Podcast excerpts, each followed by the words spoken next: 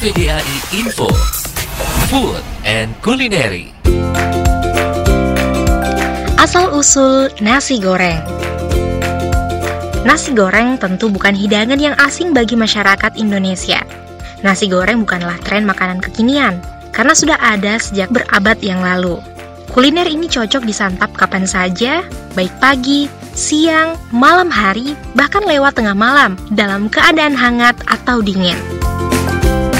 Selain itu, nasi goreng juga sangat mudah dipadukan dengan berbagai jenis bahan makanan tambahan lainnya.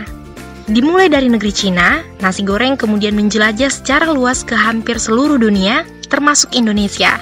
Nasi goreng bahkan menjadi makanan yang sangat digemari di Nusantara kita. Dilansir dari The Spruce Eats, diperkirakan pada tahun 4000 sebelum masehi, masyarakat Cina sudah mulai menjadikan nasi sebagai makanan pokok. Saat itu, nasi mulai dikreasikan menjadi berbagai hidangan dengan bumbu yang masih sangat sederhana.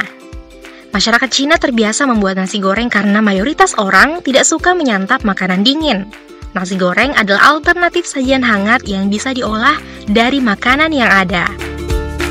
Bruce King dalam buku Street Food Around the World and Encyclopedia yang diterbitkan pada 2013 menyebut nasi goreng dahulu banyak dikonsumsi para petani. Keluarga petani yang memiliki nasi sisa tidak akan membuangnya. Mereka kemudian mengolah nasi dengan cara digoreng dengan sedikit minyak dan campuran sayur. Meskipun berasal dari Cina, nasi goreng kini bisa ditemui di berbagai negara. Nasi goreng menyebar secara perlahan selama ratusan tahun para perantau asal Cina mengolah nasi goreng di tempat rantau mereka. Mulai dari sinilah nasi goreng tercipta dengan berbagai varian. Biasanya, nasi goreng akan dibuat dengan bumbu tambahan yang rasanya disesuaikan dengan selera lidah orang setempat. Isian nasi goreng disesuaikan dengan ketersediaan bahan. Misalnya, di kawasan pesisir pantai terkenal dengan nasi goreng seafoodnya. Di Indonesia sendiri nasi goreng masuk pada abad ke-10, dikenalkan oleh warga Tionghoa yang bersinggah di wilayah kerajaan Sriwijaya.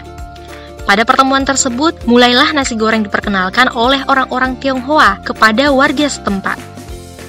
Sekarang ini nasi goreng gampang kita temukan di mana saja, bisa menjadi hidangan mewah di restoran ternama atau hotel berbintang.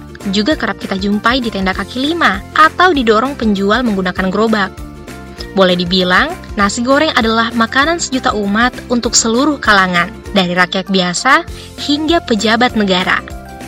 Nasi goreng asal Indonesia sendiri terkenal karena rasanya yang gurih dan adanya rempah dan topping yang berbeda dari nasi goreng asal negara lain, seperti nasi goreng daging, nasi goreng ayam, nasi goreng telur, bahkan sampai nasi goreng ikan asin dan nasi goreng pete. Hal tersebut membuat wisatawan asing merasa senang karena mereka bisa langsung mendapat gizi dari sayur atau daging dari sepiring nasi goreng. Pakar kuliner Indonesia William Wongso mengatakan, nasi goreng sudah umum dijumpai dalam set menu restoran di Eropa. Di beberapa tempat di Eropa, namanya mengalami sedikit perubahan bahasa, dari nasi goreng menjadi nasi goreng.